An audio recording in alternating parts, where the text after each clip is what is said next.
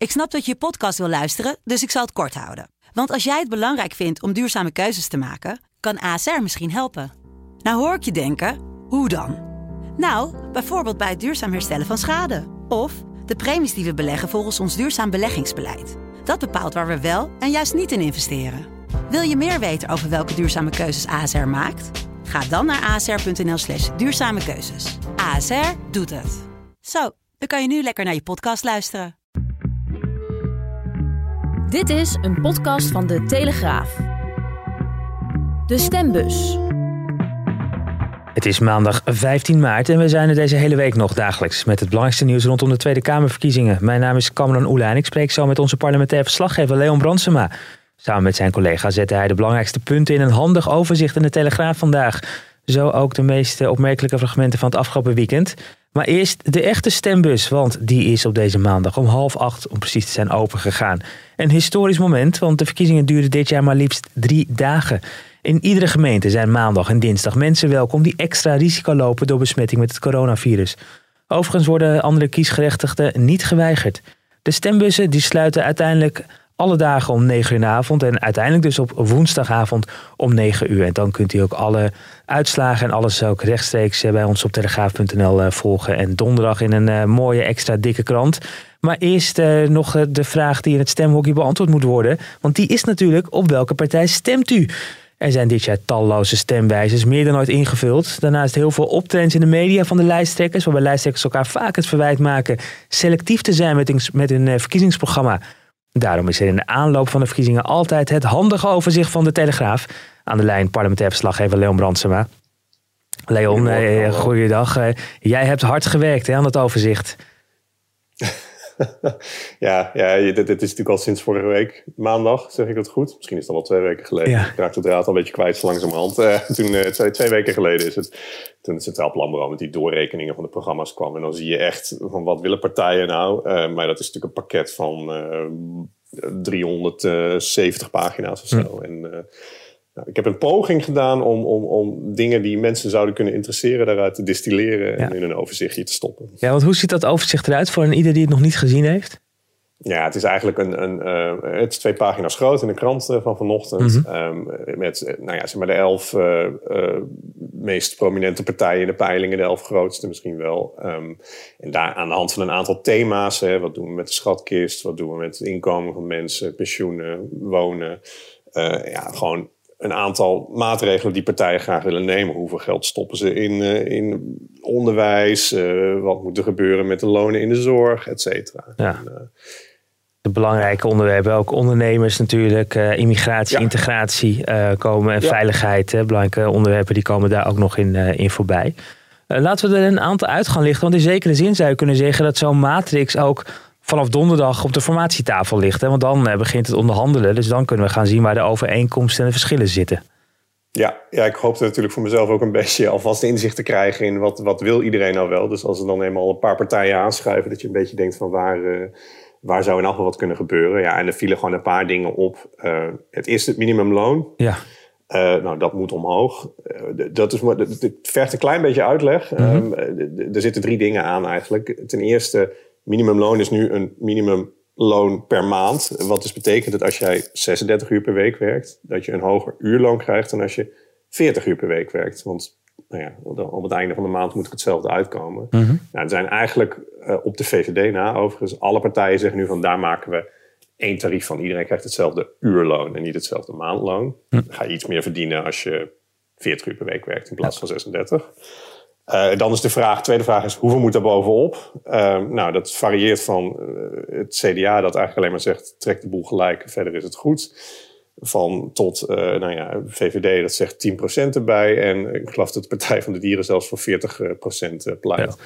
Want dat is ook wat uh, CDA kreeg het ook een paar keer om de oren hè, in, in die debatten. Ja. Dat, volgens mij was het ook Klaver tegenover Hoekstra. Dat werd gevraagd van, maar hoeveel dan? Maar, maar dat is ja. dus een soort gelijktrekken. Hoe moet ik dat dan zien? Nou ja, precies. En dat was natuurlijk ook waarom Hoekstra heel expliciet zei van we, we verhogen het minimumloon met 10% voor mensen die 40 uur per week werken. En... Uh, ja, Klaver probeerde hem een beetje te ontlokken van, ja, dus eigenlijk alleen maar voor die mensen. En er komt geen uh, generieke klap bovenop voor iedereen, zeg maar. Dus dat, uh, dat zijn die 36-urige mensen, hè? Die, dus die, uh, wat jij net uitlegt, die krijgen dan ja, dat geld niet erbij. Die krijgen er eigenlijk niks bij. Nee, die, die houden het gewoon hier op, op wat ze nu hebben. En, nee, dus dat, dat, dat, dat is het ding. Hoeveel doe je er bovenop? En um, en, en het laatste is nog van moeten de uitkeringen uh, die eraan aan gekoppeld zijn, hè, de bijstand, et cetera, meestijgen. Mm. En nou ja, daar zie je een beetje het speelveld in van daar moet een bepaald uh, gemiddelde, hè, moet dat dan 10% zijn ja. of 20%, moeten die uitkeringen mee of niet, of gedeeltelijk. En, uh, ja. Dus dat is een dingetje wat echt wel terug gaat komen.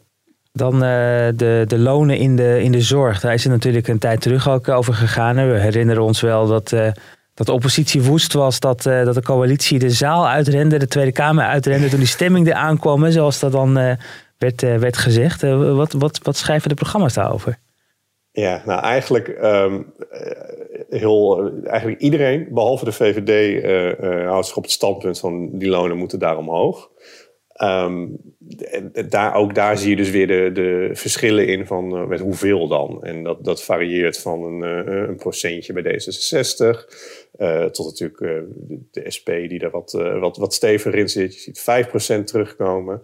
En, um, ja, en, en dan ook daar kun je weer allerlei smaken in aanbrengen. Van moet je dat dan even voor lagere middeninkomens doen? Moet je dat voor specifieke verzorgenden doen? En nou ja, dat, ook daar is dan weer het fine-tunen. Maar dat iedereen het wil, is wel, behalve dus de VVD. En die hebben natuurlijk wel, een, uh, nou ja, wel wat in te brengen, waarschijnlijk uh, straks na 17 maart. Daar uh, lijkt het in ieder geval wel op. Want daar hadden we vanochtend ook een uitgebreid verhaal over. Dat het toch erop lijkt dat het spannend wordt voor de positie 3. Dus voor de bronzen plak. en, en, en Rutte lijkt dan gewoon voor goud in ieder geval te gaan. Uh, maar laten, ja. wij, uh, laten wij ons bij het programma bijhouden, want daar, daar hebben we het tot, uiteindelijk over. Dan een, een, een thema wat natuurlijk de afgelopen maanden enorm heeft gespeeld. Uiteindelijk heeft de toeslagenaffaire ertoe geleid dat het kabinet is afgetreden. Toeslagen en, en, het, en het stelsel en het systeem daaromtrent. Gaat dat op de schop? Ja, dat is eigenlijk wat iedereen wil. Er is geloof ik al uh, wel meer dan een jaar geleden, geloof ik na het opstappen van uh, staatssecretaris Menno Snel, toen de hele Kamer heeft gezegd van daar moeten we vanaf. Um, niet, niet alle partijen hebben ook vervolgens uitgetekend van zo moet het. Uh, mm-hmm. en, en, een paar partijen wel. Dus D66, zie je GroenLinks, uh, PvdA, ook ChristenUnie... hebben echt een plan uitgestippeld uh, van op die manier moet het. En plat gezegd komt het er eigenlijk bij iedereen op neer van... we sla, sla, of, schaffen de toeslagen af... En in plaats daarvan geven we iedereen een soort van belastingkorting. Nou, daar, daarmee voorkom je in elk geval dat rond, eh, rondpompen van geld. Want je betaalt belasting, je krijgt vervolgens weer toeslagen. Je, moet, je hebt weer te veel toeslagen gekregen die je terug moet betalen. Um, ik denk uiteindelijk, hè, want er zit natuurlijk allemaal politieke kleur in, hè, wat iedereen. Je gaat alsnog aan knoppen draaien om te kijken waar komt dat geld dan terecht. Uh, het ministerie van Financiën heeft samen met allerlei andere ministeries zelf ook al een, uh, een vuistdik rapport uh, uitgespuurd ja. uh, in, de, in de afgelopen tijd. Met daarin ook een aantal opties.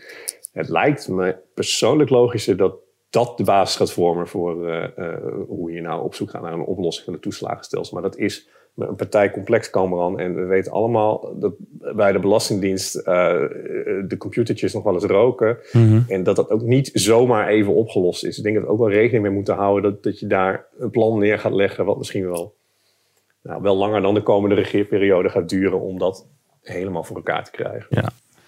Tot slot uh, zijn er nog andere, andere uh, thema's of onderwerpen waarvan je denkt, nou, dat, daar zijn de verschillen zo groot. Of daar stond nog iets, uh, iets wat echt heel opmerkelijk was. Hè? Zoals die 40% verhoging van het minimumloon bij de Partij voor de Dieren.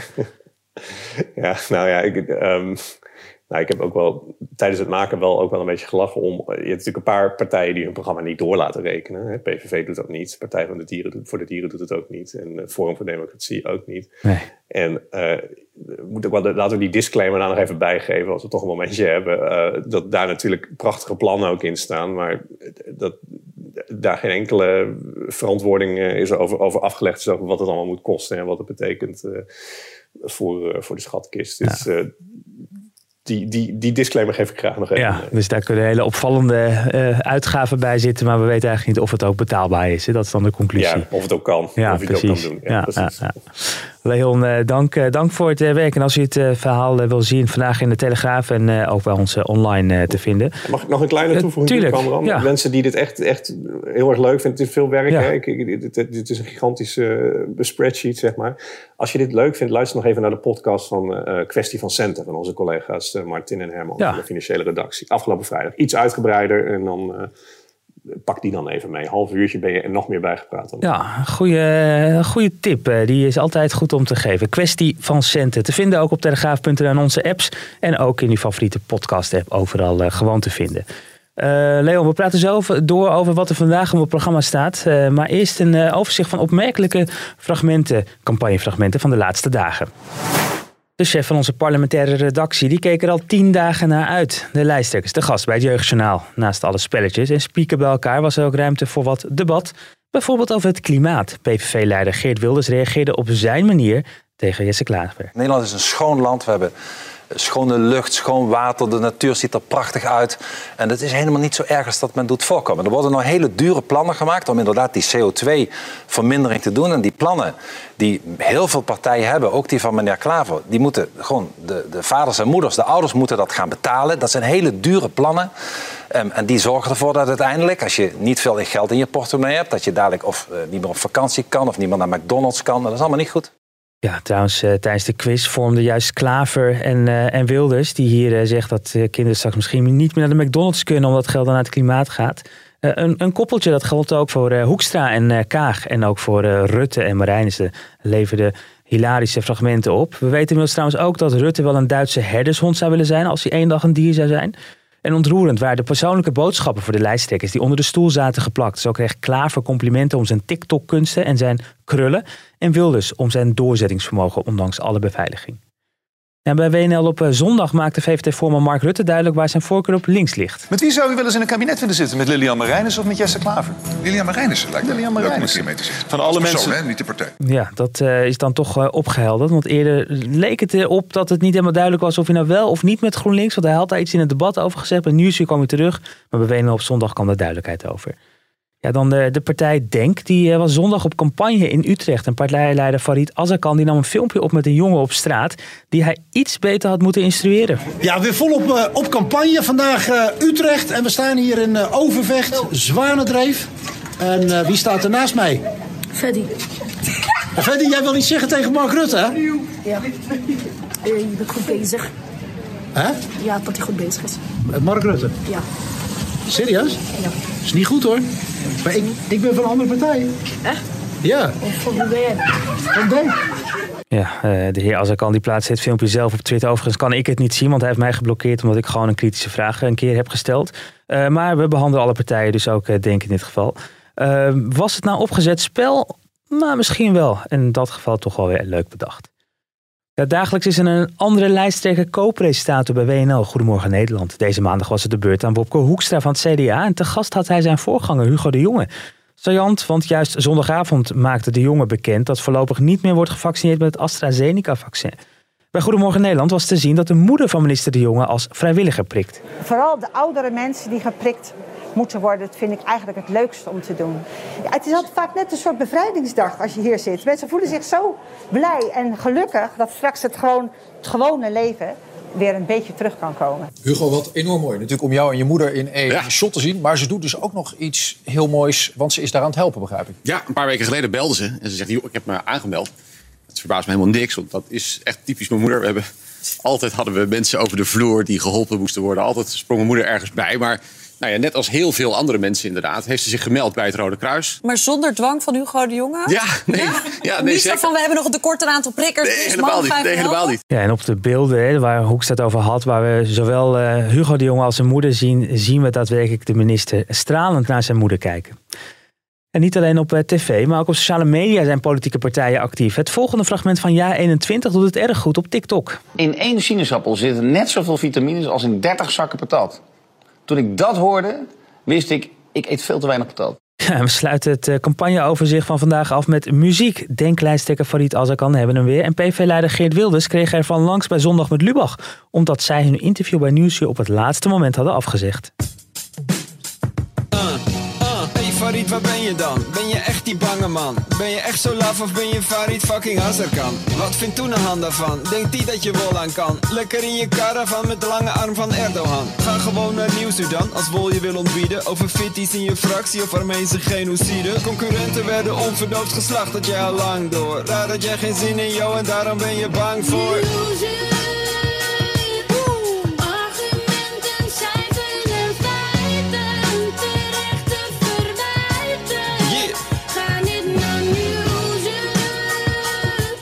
We pakken de agenda er nog maar even bij, eh, Leon. Eh, wat staat er op de planning de komende 24 uur? Ja, ja, we gaan nu echt van dag tot dag leven, nu we richting het einde gaan. En dan kijk ik natuurlijk vooral naar eh, het één vandaag debat vanavond. Ehm, ik geloof tegen zevenen. Ehm, en wat ik daar interessant aan vind, is dat het eigenlijk eh, een van de weinige keren is dat eh, Lilianne Ploemen van de PvdA op een groot eh, podium terechtkomt. Mhm. Die heeft natuurlijk het RTL-debat gemist. Die, en nu is, geloof ik, Lilianne Marijnissen niet aanwezig bij het één vandaag debat. Mhm. omdat ze een iets andere methode gebruiken. En ja, we hebben eigenlijk Ploemen alleen nog maar gezien één op één met eh Sigrid Kaag van D66. Wat natuurlijk vooral heel erg gezellig was dat ze het allemaal zo met elkaar eens waren. En ze staan nu geloof ik onder andere tegenover eh eh, Wopke Hoekstra van het CDA. Ja, daar zal ze natuurlijk wel eh, iets meer piketpalen kunnen slaan van hoe die partijen er anders naar kijken. Dus eigenlijk een, een van de weinige kansen die zij ook nog heeft om, om zichzelf te profileren. Nou, dat gaan we dus allemaal zien bij het één vandaag debat. Ik, ik zit nu trouwens te denken, Leon, de, de, de stembussen zijn al open. En in principe mag iedereen die, die kwetsbaar is, dus ook, ook, ook mensen, de, de oudere mensen sowieso, maar ook jongere mensen met eventueel onderliggend lijden, vandaag of morgen al stemmen. Zijn er lijsttrekkers die dat hebben aangekondigd, dat ze niet woensdag, maar vandaag of morgen al gaan stemmen? Ja, nou, ik zag het vanochtend in mijn hè, Twitterbubbel eh, al heel erg veel oproepen voorbij komen om, eh, om te gaan stemmen. Het is natuurlijk wel een interessante want dynamiek. Hetzelfde geldt voor de briefstemmen. Hè. Dat, Ja. dat is natuurlijk geloof ik al weken geleden gebeurd. En bij het CDA hoorde je al dat ze daar niet ontevreden over waren. Want dat, dat, dat ging de laatste weken natuurlijk niet zo soepel. En, en toen hadden die oudere mensen, eh, eh, die toch nou ja, een belangrijke doelgroep voor het CDA, hadden in elk geval hun stem al uitgebracht. Dus dat scheelde weer een slok op de borrel. Ja, als jij nu eh, stemt en je ziet eh, je favoriete lijsttrekker nog een ontzettende uitgeleider maken. Ja. dan, eh, Maar er zijn dus geen lijsttrekkers die, eh, die al gaan stemmen eh, vandaag of morgen. Dus die, eh, die, houden, die wachten allemaal tot, eh, tot woensdag. Dat denk ik wel, want het lijkt me ook niet echt het goede voorbeeld eh, geven als het eigenlijk voor kwetsbare mensen bedoeld is. En dat zijn onze lijsttrekkers toch allemaal niet. eh. Nee, oké. nee, dan, eh, dan, dan, dan gaan we dat allemaal eh, woensdag eh, pas, pas weer zien. Maar het belangrijkste is dus het één vandaag debat eh, vanavond. Leon, dankjewel. Historisch fragment. Nou, we hadden het al even over dat debat. Voor ons historische fragment gaan we terug naar 2002. Toen nog het twee vandaag debat, omdat het programma op NPO 2 werd uitgezonden. Op de Erasmus Universiteit was de opname. Na het live deel op tv ging men nog even door in de zaal met de studenten. Paul Roosemuller van GroenLinks haalt daarin fel uit naar Pim Fortuyn. Wat ik merk bij jou in het debat, dat is dat op het moment dat jij bekritiseerd wordt op je kwetsbare punten, dat je theater maakt en dat je niet inhoudelijk reageert. En daar zit jouw zwakte. Ja, het luide applaus bevalt Fortuyn die naast Roosemuller zit totaal niet. De microfoon die gaat af. De hand van Roosemuller die wordt eh, uitgestoken, wordt geweigerd. Hij is er helemaal klaar mee. Zo'n vaart zal het vanavond ongetwijfeld niet lopen. En dit was daarmee de stembus voor deze maandag. Morgen op dinsdag zijn we er weer met een nieuwe update over de Tweede Kamerverkiezingen. Tot dan!